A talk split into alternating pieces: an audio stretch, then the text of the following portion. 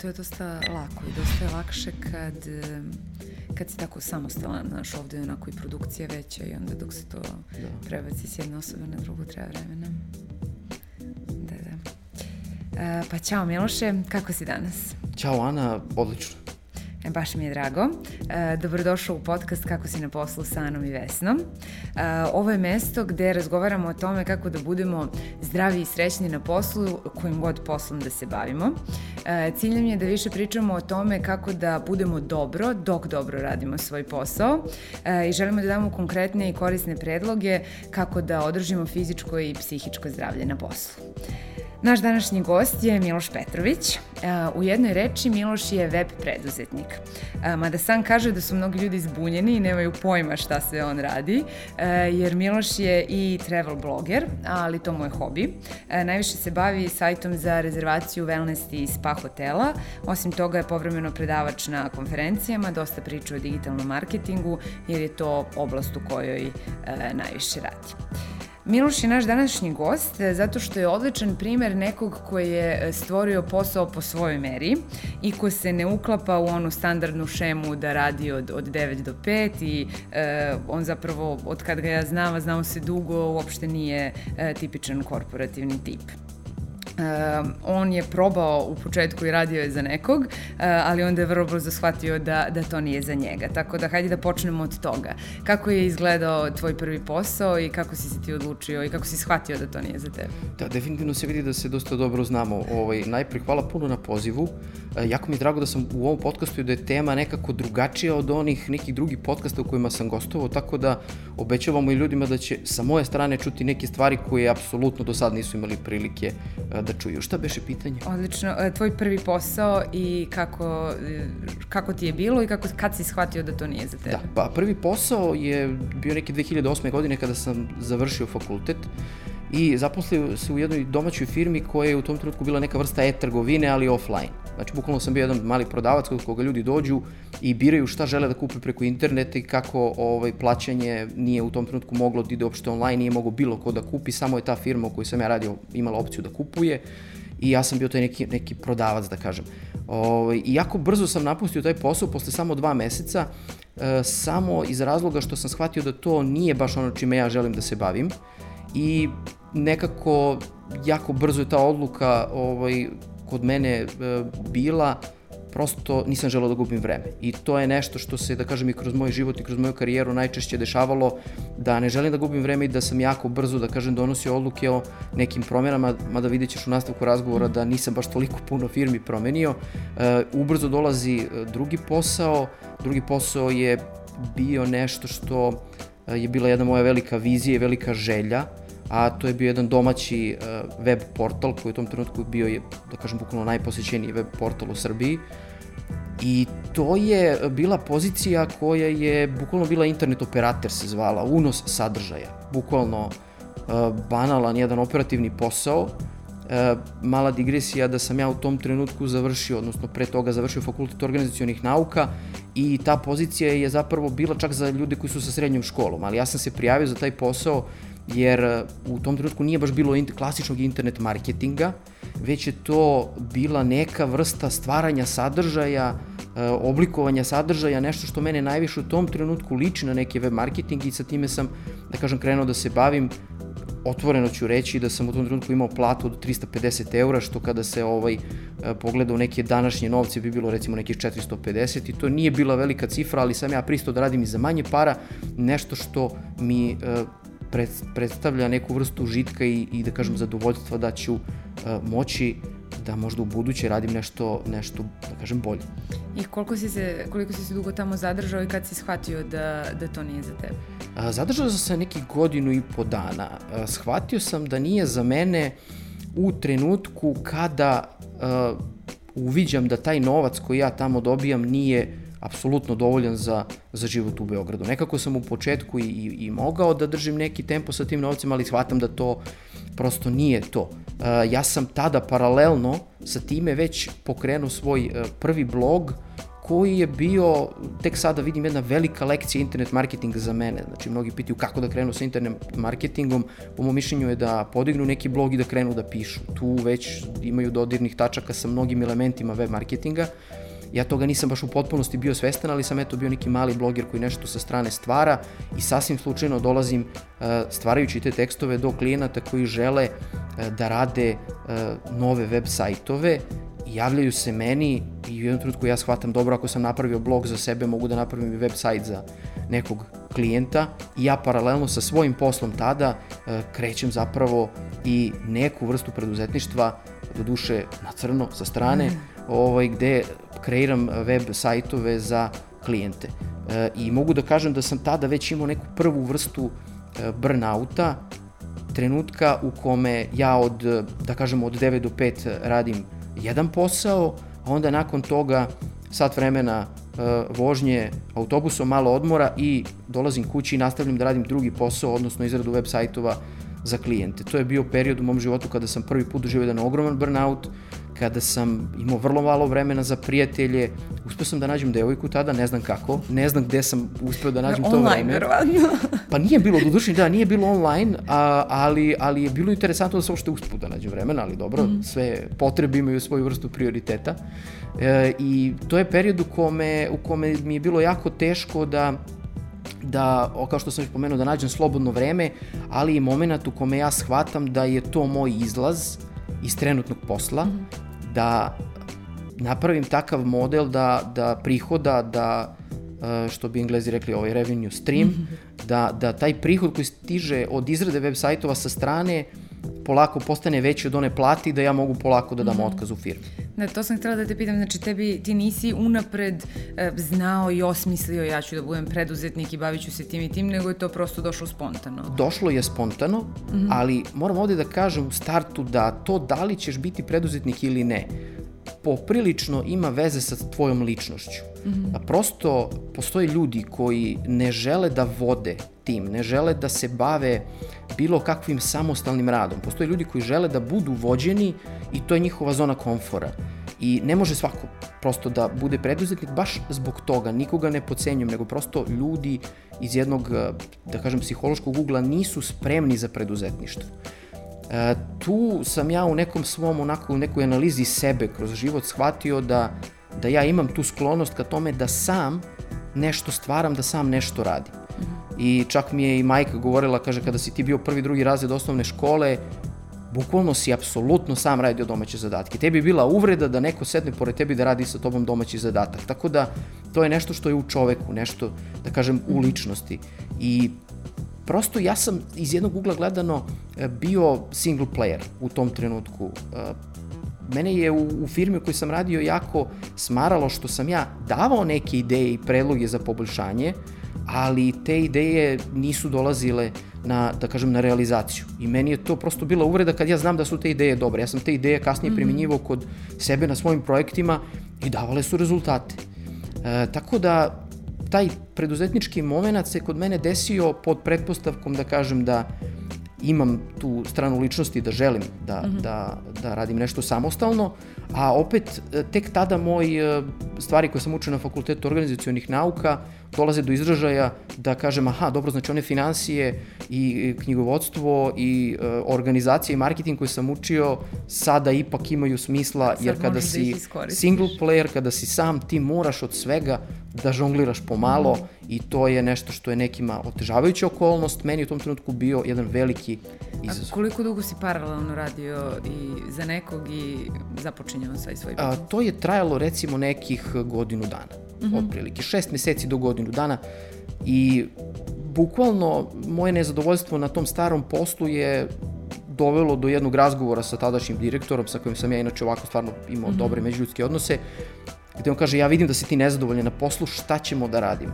Mm -hmm. I mi se u tom trenutku dogovaramo za sporozumni raskid ugovora, mm -hmm. ja dobijam tri plate, naredna tri meseca da ne radi, meni je to bilo wow, on kaže ne moraš da dolaziš na posao, imaćeš naredna tri meseca platu mm -hmm. dok se ne snađeš, što je bilo jako fair, mm -hmm. što je meni bio dodatni, da kažem, vetar u leđa i 1. aprila, nije šala, 2010. Mm -hmm. godine ja osnivam preduzetničku radnju, jer o, od tog trenutka kad je meni prestao da ide radni staž, mm -hmm. ja sam mhm. hteo da ipak ide radni staž i preduzetnička radnja i da kažem legalno poslovanje mm -hmm. za mene bila osnova koja mora da postoji. U tom trenutku sam imao neka dva klijenta, trebalo je to mhm. legalno naplatiti, ja sam se upusti u to da preduzetnička radnja u tom trenutku krene i moram iskreno da kažem da je to bila velika greška, da je bila velika greška otvoriti preduzetničku radnju u trenutku kad imam samo dva klijenta. Trebalo je u tom trenutku preko prijatelja, preko drugih na neki način ovaj, tu mhm. saradnju sprovesti u legalne tokove i, i, i raditi još neko vreme, eh, jer sam imao situaciju da sam ja zbog otvaranja preduzetničke radnje, trenutka u kome odjednom ja moram da plaćam državi poreze mm. i doprinose i tako dalje, dolazim u situaciju da su meni troškovi sad još veći, jer nikad mm. kao zaposleni nisam razmišljao o porezima i doprinosima i dolazim u situaciju da to nije dovoljno para za moj mm. život u tom trenutku u Beogradu i ja se u tom trenutku selim u svoj rodni grad Bor i uh, potpuno prelazim u uh, jaslice svojih roditelja koji su mi, da kažem, na taj neki način ovaj, bili moja zona komfora i dali mi krila da, da smanjim svoje troškove, da nastavim sa svojim preduzetničkim radom i to je zapravo tek sada vidim bila jedna toliko velika odskočna daska mm -hmm. da mhm. to nije bilo realno. Ovde ću podeliti sa tobom još jedan e, podatak. Samo je zanimljivo to kako nekad ono moraš da se vratiš možda i par koraka unazad da Tako da bi je. onda mogao da odeš više koraka Tako napred. Tako to je da. bukvalno bilo tri koraka unazad, Aha. ali odskočna daska je bila takva da sam ja već za dve godine bio daleko ispred onoga mm -hmm. što je bilo e, pre toga. I bukvalno sam sad radio analizu te prve godine poslovanja 2010. godine i kao prosečni prihod mesečni je bio 45.000 dinara. Mm -hmm. Od čega su porezi i doprinosi bili 25.000 dinara. Tad je minimalac bio oko 25.000, odnosno za paušalce neka cifra, 21, pardon, je bilo tako da 45 minus 21, to je čisto kao novca koliko ostajalo meni, i kao to nije dovoljno, ali to je bukvalno bilo samo prvih šest meseci, već mm. nakon toga kreće jedan preduzetnički zalet i dalje radim izradu web sajtova i bukvalno kreće priču toliko pozitivnom pravcu. Ti si, ti si vrlo brzo, mislim nije vrlo brzo, ali nakon što si tu agenciju stavio na noge i počela da, da lepo živi, ti si onda krenuo i da vidiš koje još druge stvari možeš da radiš, pa si onda napravio i sajt za, za wellness i spa hotele i uh, imaš Tako i svoj je. blog o, o, o turizmu, pa kako je, šta ti je tu vodilo? Ali ti ovo nije bilo dovoljno, pa si hteo da vidiš još nešto ili... Ja sam zapravo prvi blog pokrenuo 2007. godine. Znači sad mm -hmm. nećemo ni da računamo da je to već kao 15 godina od tada mm -hmm. i prosto delo je kao wow. I taj blog, kao što sam pomenuo, za mene je bio web marketing, pravi web marketing, alat, zanat, kako god da ga nazovemo. Izrada web sajtova je jedna tehnička priča. To je mhm. nešto drugo. Ja sam shvatio u tom periodu da je moj prihod 90% vezan za izradu web sajtova, a da je samo nekih 10% nešto što dolazi od nečega što se zove internet, eh, odnosno web marketing. Mm -hmm. Web marketing pričamo o toj nekoj 2008. i 2009. godini, 10. je već je na o, nekim neverovatnim osnovama, prosto neverovatno zvuči sad, kada bi sad rekao da tad nije postojalo oglašavanje na Facebooku, Instagram, mm -hmm. ne, to ne postoji u tom trenutku, bukvalno kod nas, i uh, ja nemam ni način da unovčim, da kažem, tu svoju web marketing stranu, tako da moj prihod je samo nekih 10% zavisi od toga, neki plaćeni link na blogu, plaćeni tekst ili tako nešto.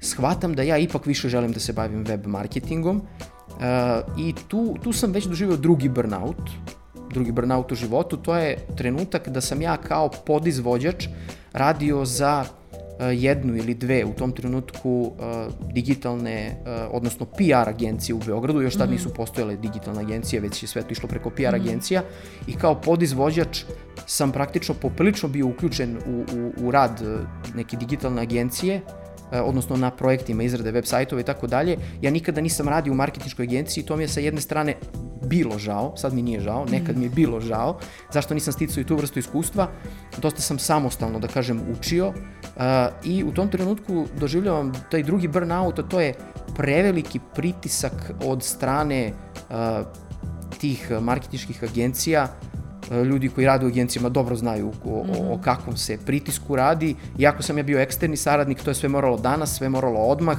Ogroman jedan pritisak, ja sam kao neka vrsta tehničke podrške, non stop sam na mailu, uh, radim od kuće, radim od kuće uveliko u tom periodu, ali opet kao da sam deo neke ekipe koja tovari posao nenormalno i to je bio drugi burnout kada sam ja rekao ja sa agencijama više neću sarađivati.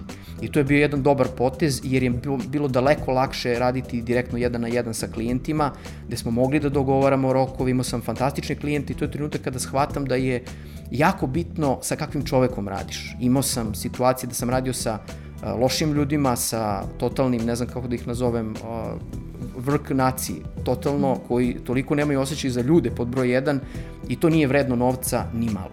Da nemate ni vikend, ni da kažem dan kad vas ne zovu telefonom, smaraju i tako dalje. Inače ne volim uopšte da mm -hmm. nešto previše pričam telefonom, sve volim da ide kroz mail komunikaciju, lakše za praćenje. To je bio period mog života kada sam imao taj drugi burnout i kada ja shvatam da ja ne želim apsolutno da se u životu bavim izradom web sajtova, paralelno sa time već polako kreće nova ideja portala za koji objedinjuje wellness i spa centre u tom trenutku, kasnije i hotele, ali moram da kažem da je taj projekat nastao kao rezultat mog iskustva i nekoliko propalih web sajtova mm. I tu kreće jedna potpuno, da kažem, nova, nova priča za mene. Da. Zanimljivo je kako to, mislim, kroz iskustvo, iskustvo te nauči šta ne želiš zapravo, jer mnogi ljudi Tako misle je. to kao ti kada odeš iz kompanije, kad počneš da radiš sam, da će to da bude super, kao sad nemaš gazde i sve, ali zapravo imaš mnogo gazdi, imaš i u zavisnosti od toga sa kim radiš, različite ljude opet sa, koji, koji su ti na neki način nadređeni samo sada u, u ulozi klijenta, tako da super je kako te lekcije, lekcije dolaze Tako vremenom. Tako i tu je prednost ako ste traženi kao, da kažem, preduzetnik, kao neko mm -hmm. ko mhm. pruža neku uslugu, možete da birate sa kim ćete da radite. To je najveća najveća prednost. Mm -hmm. Nije nekad stvarno ni novac samo u igri, prosto sa kojim ljudima radite je mm -hmm. sjajno.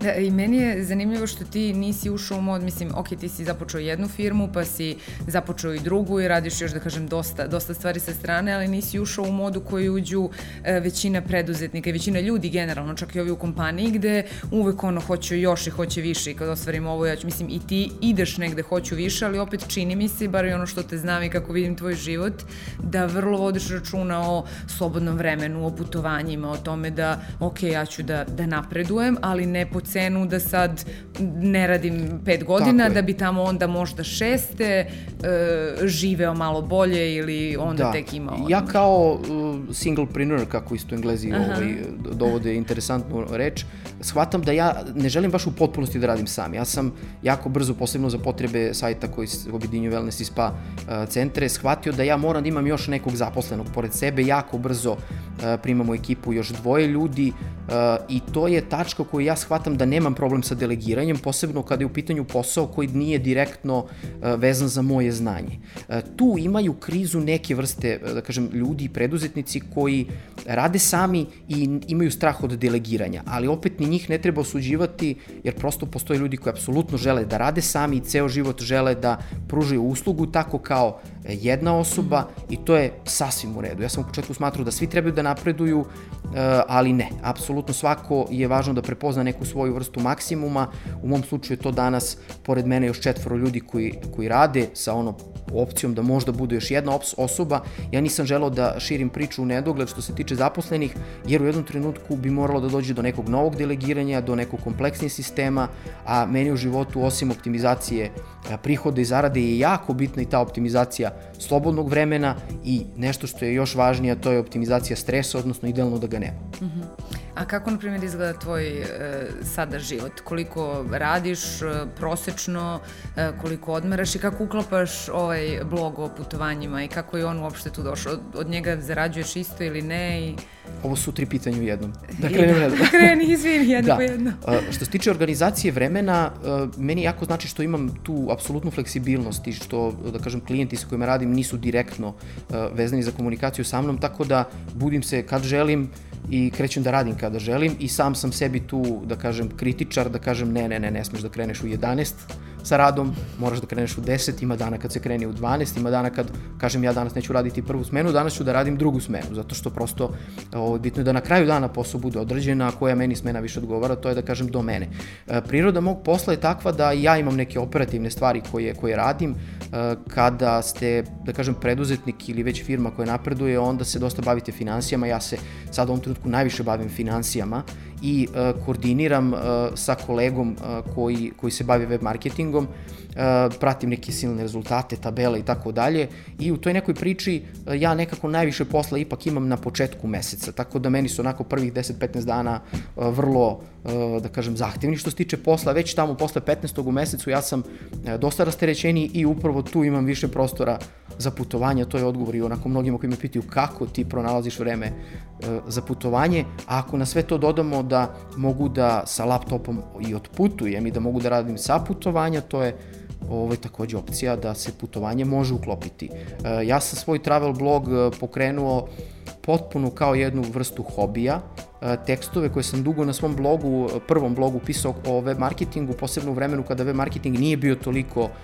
tražena stvar i toliko, da kažem, popularna, desilo se da poseta nije velika. Ja sam shvatio da prosto ja želim malo veću posetu i svoje znanje iz pisanja tekstova preneo na polje putovanja. Prvi blog je bukvalno bio leptokarija ne i pori letovanje. Tekst je eksplodirao za godinu dana, ja nisam mogu da verujem šta se tu desilo sa posetom. Shvatio dobro, ja, ja želim da, da imam i neki travel blog, pokrenuo poseban travel blog, i uh, tu već postoji nekih uh, 20 tekstova, možda i više, koji stvaraju neku posetu i to je po mom mišljenju sad najveća prednost pisanja bloga i, i tog dela web marketinga, što jednom napisan tekst može da generiše posetu narednih pa eto u mom slučaju po 15 godina. I to je meni nešto što je fascinantno, da nešto što stvaramo sada može da bude čitano i čitano svakog dana i onog dana kad ne pišemo, recimo. To je, da kažem, velika prednost. E, lepo. Da li sam neko, neki odgovor preskočio možda? E, mislim da nisi. Hvala ti. E, lepo je kako kada imaš posao i kada organizuješ, osmisliš posao tako da imaš vremena onda i za ostale e, stvari i za hobije i stvari koje voliš, tako da to je... Tako je. Sa time što sam ja definitivno sa sobom onako raščistio u glavi da je da su putovanja, odnosno pisanje travel bloga, mm. u mom slučaju da je to apsolutno hobi. A, tu u mom slučaju ima vrlo malo novca, niti tražim ovo da kažem novac, to su uglavnom neke affiliate uh, opcije i uh, ono što je meni jako drago da sam ja putem tog travel bloga dosta proputovao, uh, išao na neka putovanja koje su bile neka vrsta press tura, išao u Sibir, na Bajkalsko jezero i to mi je onako kao bilo wow, tako da bilo je i tu nekog doprinosa, da kažem nečega, ali, ali eto, možda ne u finansijskom smislu, nego u nekom drugom. Ja sam jako zadovoljan svojim poslom i onim što je stvarno moj posao, tako da u tome uživam i radim, a definitivno su putovanja moj hobi. Odlično. E, kaži mi, kojom logikom se, se vodiš u poslu i šta je, na primjer, šta su ta uverenja o poslu koje, koje ti imaš? Da, neke stvari sam u suštini već e, pomenuo, ali nije loše da saberem. E, to je pod broj jedan da želim da radim sa dobrim ljudima. Znači, dobro, biti dobar čovek je u neku stranu i relativno, nekome će neko mm. drugi biti dobar ovaj, i tako dalje, ali meni je važno da, da ljudi sa kojima komuniciram, sa kojima radim, da, da možemo da se pod broj jedan kao ljudi jako lepo razumemo, jer kad se jako lepo razumemo kao ljudi, onda su tu i smanjene bilo kakve šanse da bude nekog stresa. To je, da kažem, jako bitno. Druga stvar, apsolutno od 9 do 5 ili od 8 do 4 ili kako god, je jedna prevaziđena šema rada, dobro, ne naravno u svim oblastima rada, ali što se tiče ove neke naše online priče, to je apsolutno potpuno bez veze vezivati ljude za te vremenske okvire, e, što je jednu priliku moj jako dobar prijatelj Marko Aleksić, web dizajner, pomenuo, šta ako ja imam inspiraciju u 11 uveče? Pa šta ćemo onda da, da ja radim od 9 do 5? Ne, radit ću drugu smenu, tako da i u mom slučaju meni se najčešće desi recimo da petkom uveče radim e, nije da sam neki no-lifer, ali prosto statistički se tako pokazalo da nekako ja sebi tako optimizujem vreme.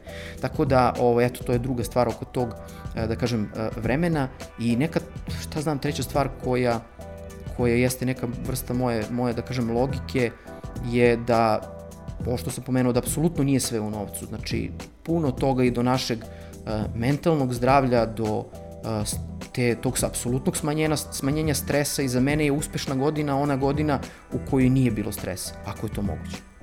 To mi se sviđa, to mi se baš sviđa, jer i, i sama ovaj vrlo, vrlo slično razmišljam.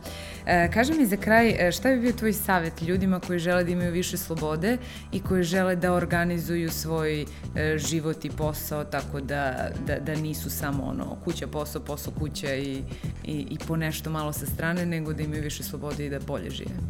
Pa uglavnom se to svede na opciju da imaju bolju zaradu po satu Ja često čujem kolege programere, recimo, koji samo traže veću platu, a i dalje rade po 8 sati i plus od kuće rade dodatno 3-4 sata, što je meni totalno, da kažem, suludo.